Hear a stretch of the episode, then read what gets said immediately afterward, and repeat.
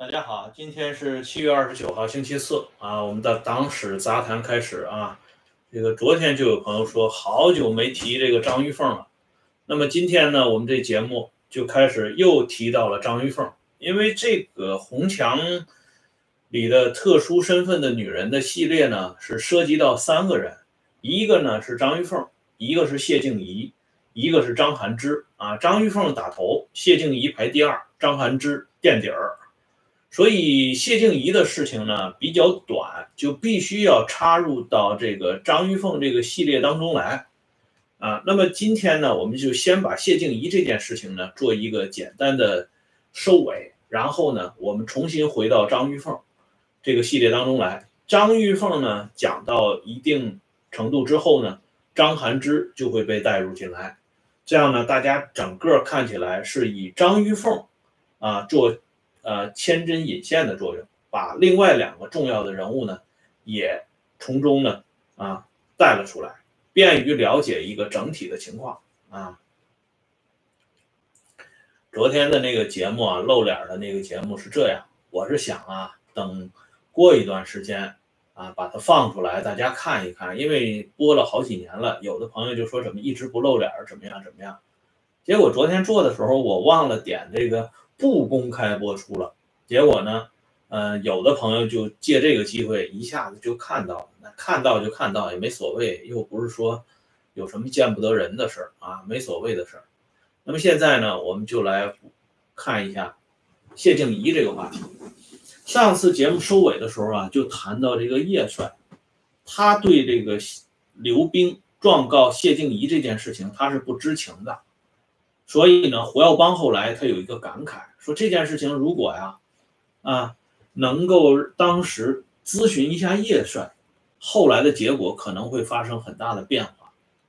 这里边呢，我们要顺便说一下，啊，这个叶剑英呢，虽然对刘冰状告池群、谢静怡这件事情不知情，但是之前叶剑英说过一个非常重要的话，啊。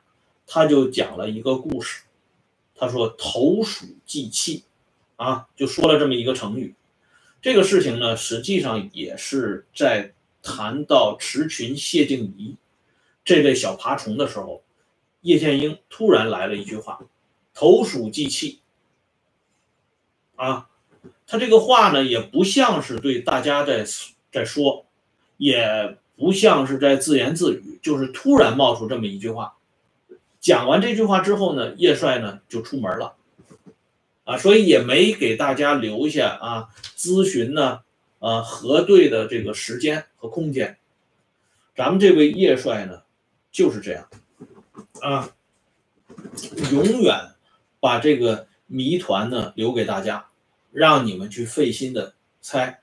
等你们猜的差不多的时候，你才会发现叶帅早已经把答案。埋伏到了他的行动当中了，啊，所以呢，这个人在政坛上几起几落，始终屹立不倒，大的风浪刮不到他头上来，这是一个深藏不露的人物。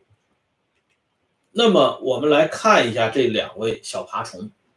这张照片呢，是我们一个朋友从互联网上找到的，非常不容易啊。说实话，我也找了一遍。在这个网上始终没找到，后来呢，他先我一步把这张图片找到了，这就是啊我们这个系列里边的主角池群和谢静怡啊，这个这两个人呢，当时是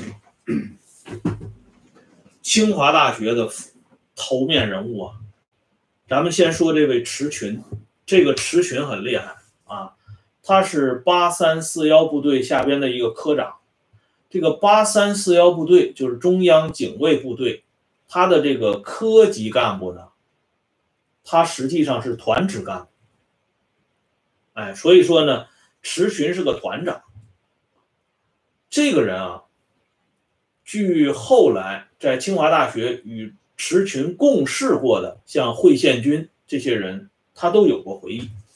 说池群这个人啊，还是有些能力的，啊，他跟谢静怡不一样，谢静怡的能力很差，啊，但是池群呢，还是颇有些能力和办法的。但是这个人呢，池群这个人的特点啊，是什么呢？他这个人的特点是非常狂妄啊，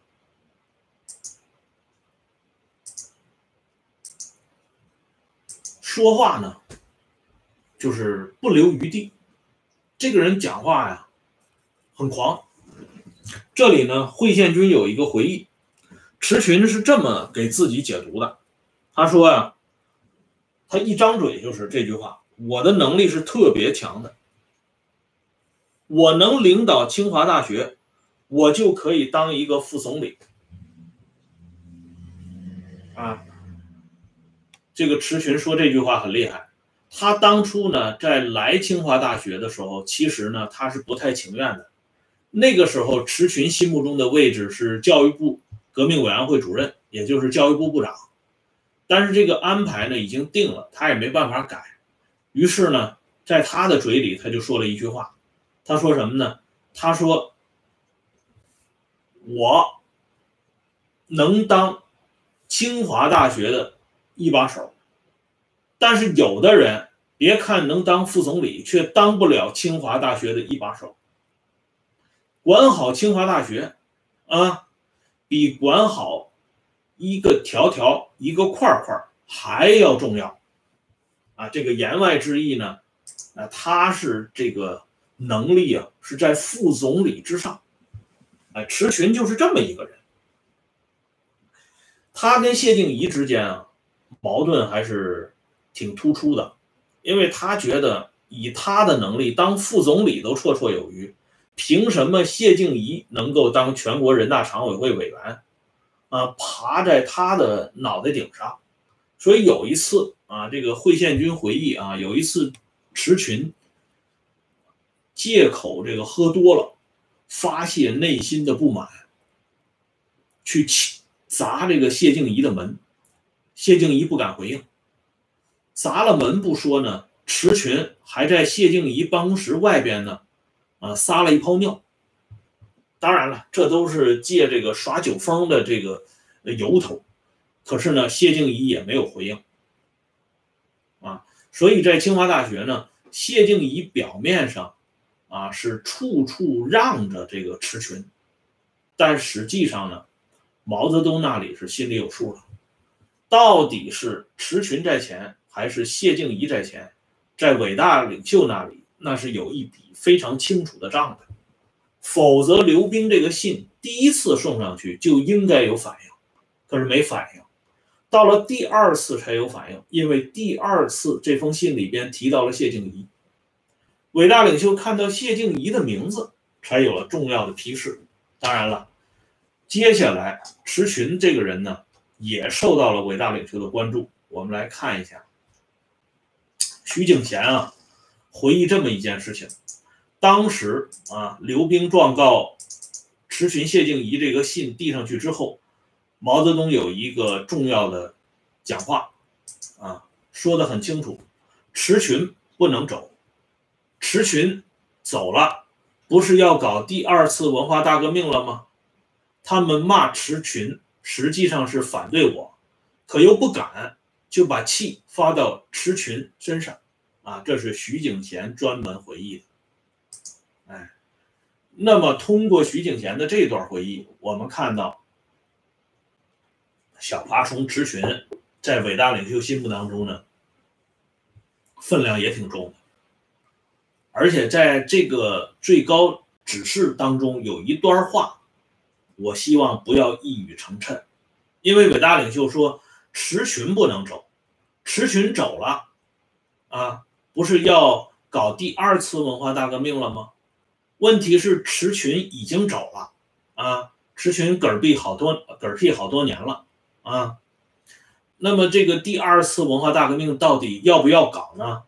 这件事情呢，恐怕只有天知道啊，所以不希望他这个话呢，呃，成为重要的预言。我们再往下看，由于毛泽东做了这个批示之后，这刘冰是首先倒掉了。那刘冰后边邓小平呢也被牵了出来。这里顺便说一下啊，刘冰这个人骨头不够硬啊。后来在追查刘冰写信的动机啊过程当中，刘冰自己呢先服软，结果呢就把邓小平的一些事情呢有的没的呢都说了出来。这当然呢也就直接导致刘冰日后的仕途啊受到严重的影响。这虽然呢比这个贵州的第一把手贾其允能强一点，可是呢始终在这个副省级这个位置上盘桓了好久好久啊。好在呢日子过了久了之后呢，老邓也懒得跟他计较，所以这刘冰这个人的结局呢大概率是这个样子。而老邓呢，因为这件事情啊，第二次被打倒，这次被打倒呢是。应该说是万幸，因为很快啊，伟大领袖就嗝屁了。否则的话，邓小平晚年的政治命运恐怕要重新来写。那么上次节目我们说到啊，这个迟群和谢静怡这两个，在四人帮垮台之后，都先后被逮捕。啊，抓池群和谢静怡的过程呢也很有意思。啊，碍于时间呢，我就不给大家呃做更多的解释了。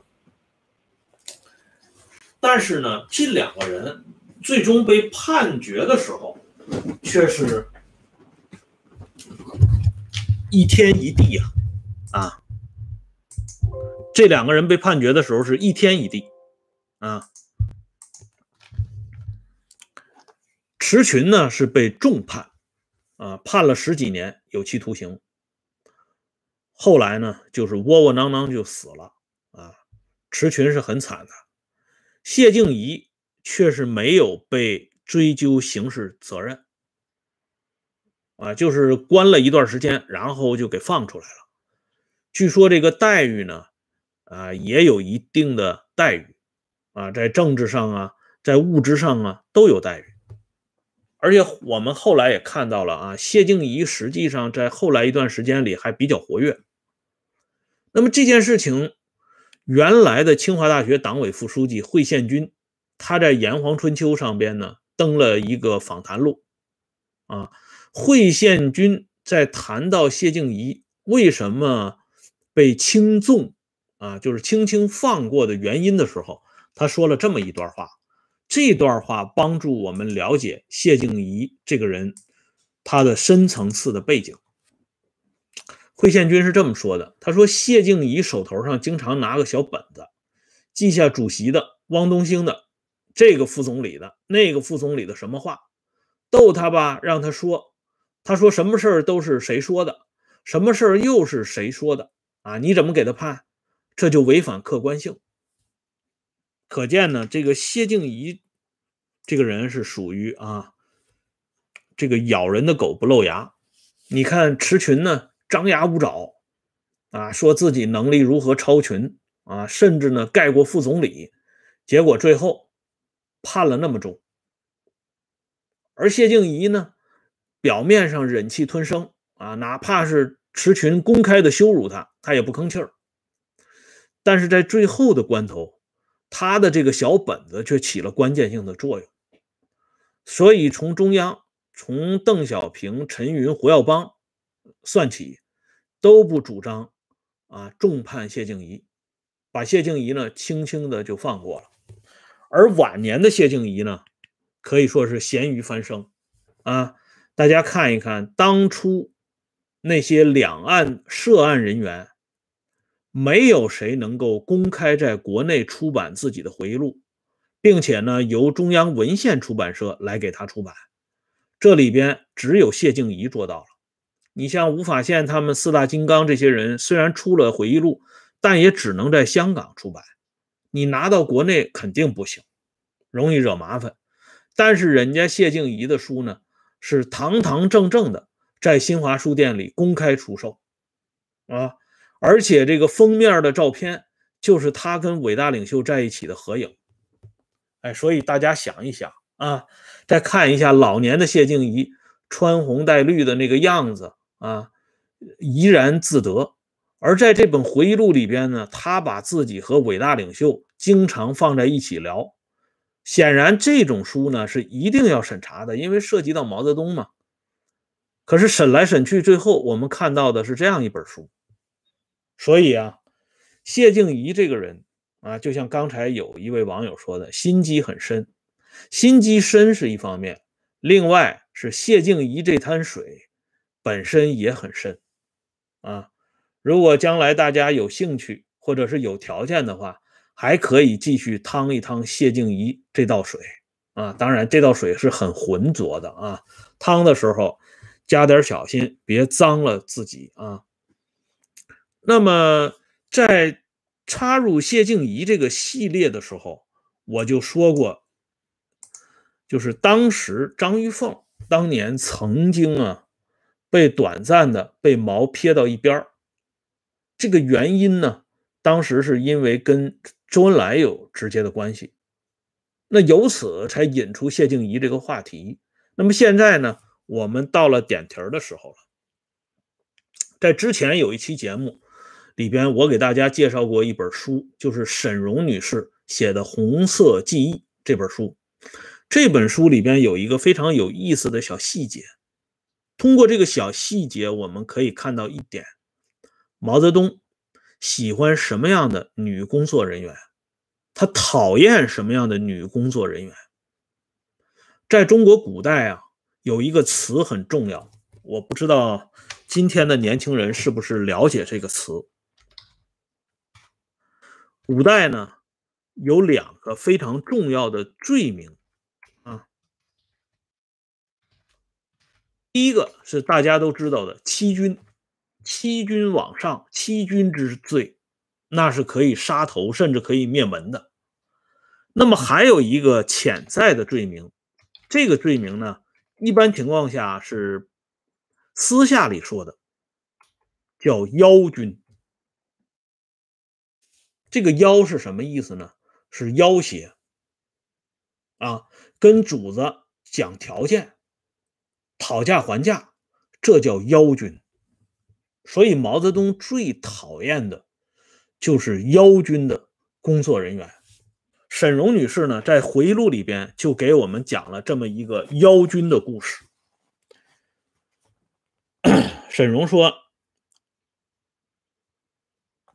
这不是沈荣自己回忆的啊，这是叶子龙叶主任跟沈荣讲的一个故事。叶子龙说呀。”毛泽东身边有一个姓陈的小姑娘，年轻漂亮，啊，她呢故事最多，能歌善舞，又很聪明。以前我们说过啊，毛泽东喜欢唱歌跳舞的女孩子，啊，对这个这方面有特长的女孩呢，啊，比较得意。那这个姓陈的这女孩呢，由于能歌善舞，所以呢，她在伟大领袖身边呢，特别能够玩得转。因此呢，叶子龙给沈荣讲的最多的也是这位姓陈的女孩子。有一次啊，这个小陈儿看到伟大领袖闷闷不乐，啊，他就想逗这个领袖笑一笑，就让领袖猜一个谜语，谜语。然后呢，这领袖就问他这谜面是什么呢？这小陈就说了：毛泽东打喷嚏。啊。让你猜一个词，毛泽东就说什么也猜不出来。最后呢，小陈说很简单嘛，毛泽东打喷嚏，谜底就是毛病。毛泽东哈哈大笑，啊，非常高兴。从这个例子里边，我们也可以看到，这个小陈呢，为什么这么受到毛泽东的喜欢啊？人家随便讲一个谜语、一个段子，都能把领袖逗得非常开心。但是呢，这个人后来被毛泽东赶走了，啊，也当然也不是主动赶走的，啊，这是也是他自己啊，就是离开的。原因是什么呢？就在“妖君”这两个字上面，因为呢，他让毛泽东批准他入党，同时呢，他要求毛泽东给他一个职务，入党提干嘛。但是毛呢都没有答应，因此啊，叶子龙给沈荣说他离毛而去，啊，就讲了这么一个话。那从这个例子里边，我们就可以看到毛泽东非常讨厌啊，因为给他服务而对他进行讨价还价，以至于让伟大领袖感到有点要挟的味道。这样的女孩子，伟大领袖是必须将其轰走的。那么邀军这个事情呢，具体在张玉凤身上是不是有所体现？目前呢，从公开史料上边我们还没有找到，但是有一点公开史料上边有记载，啊，这是李瑞老人回忆的东西。这里呢，我们要说一下出处，就是说。毛泽东讨厌张玉凤过问他不该过问的事情。换句话说，张玉凤该管的事情啊，毛泽东已经给他画了范围了；而他不该管的事情，毛泽东也给他画出了范围。就从过问周恩来。在组织路线这个问题上的事情来看，毛认为张玉凤过线了。这个问题是应该由谢静怡这个量级的人物才能够汇报，才能够过问的。而张玉凤呢，显然不具备这个前提，因此把张玉凤晾了一段时间，也是由此而来。啊。这是有公开记载的，哎，所以呢，大家从这个例子里边，我们也可以看到，毛泽东在用人上边，即便是啊这种贴身、近身服务的亲信，他也要寻求一个政治上的平衡。有的事情，张三儿可以过问。有的事情，李四绝不允许插手。别看谢静怡和张玉凤都是毛的顶尖亲信之一，但是他们之间分工明确，计划周详，谁越雷池半步，都会被领袖暂时抛到一边，有的甚至被打入冷宫。那对不起啊，谁让你过线了啊？所以从这一点上，我们也可以看到。毛直到他生命最后一刻，太阿从未到迟，钱刚永远独断。啊，这也就是为什么这些人始终对毛畏之如虎的地方。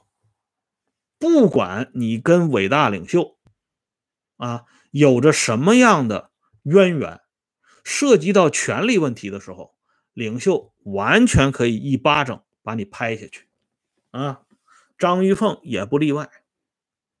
那么今天呢，我们要讲的呢，就是张玉凤独家披露毛泽东晚年身体健康这个事情。老实说呀，在汗牛充栋的研究毛泽东的这些书当中啊，包括这个相关的资料，《周恩来年谱》啊，《叶剑英年谱》啊等等啊，这些官方出版的这些资料里边。对于毛泽东晚年身体状况这件事情上，谁说的都没有张玉凤说的最直接、最真实。张玉凤寥寥几笔就把毛泽东晚年的身体状况最真实的一面展现了出来，而且你把张玉凤的这个回忆同李志水医生的这个回忆放到一起看，啊，这个也是一个小小的核定本。放到一起看之后，官方啊那些公开史料里记载毛泽东晚年情况的那些内容，你都可以把它放到一边了，因为他们从真实这个呃量级来讲，与张玉凤的回忆与李志水李医生的回忆那相差不是一一个档次的啊，所以呢，咱们从今天开始就要。把张玉凤对毛泽东晚年这段真实的回忆专门做一个讲解，而首先映入大家眼线的，就是陈毅去世之后，啊，当然包括他去世前那么几个小时，毛泽东的耐人寻味的不寻常的举动，以及咱们这位叶帅为什么那么矫健的身影抢先一步。好了，今天的话题呢，咱们就说到这里。感谢朋友们上来收看和收听，啊，欢迎大家关注“温相说时政”会员频道，每周都有更新。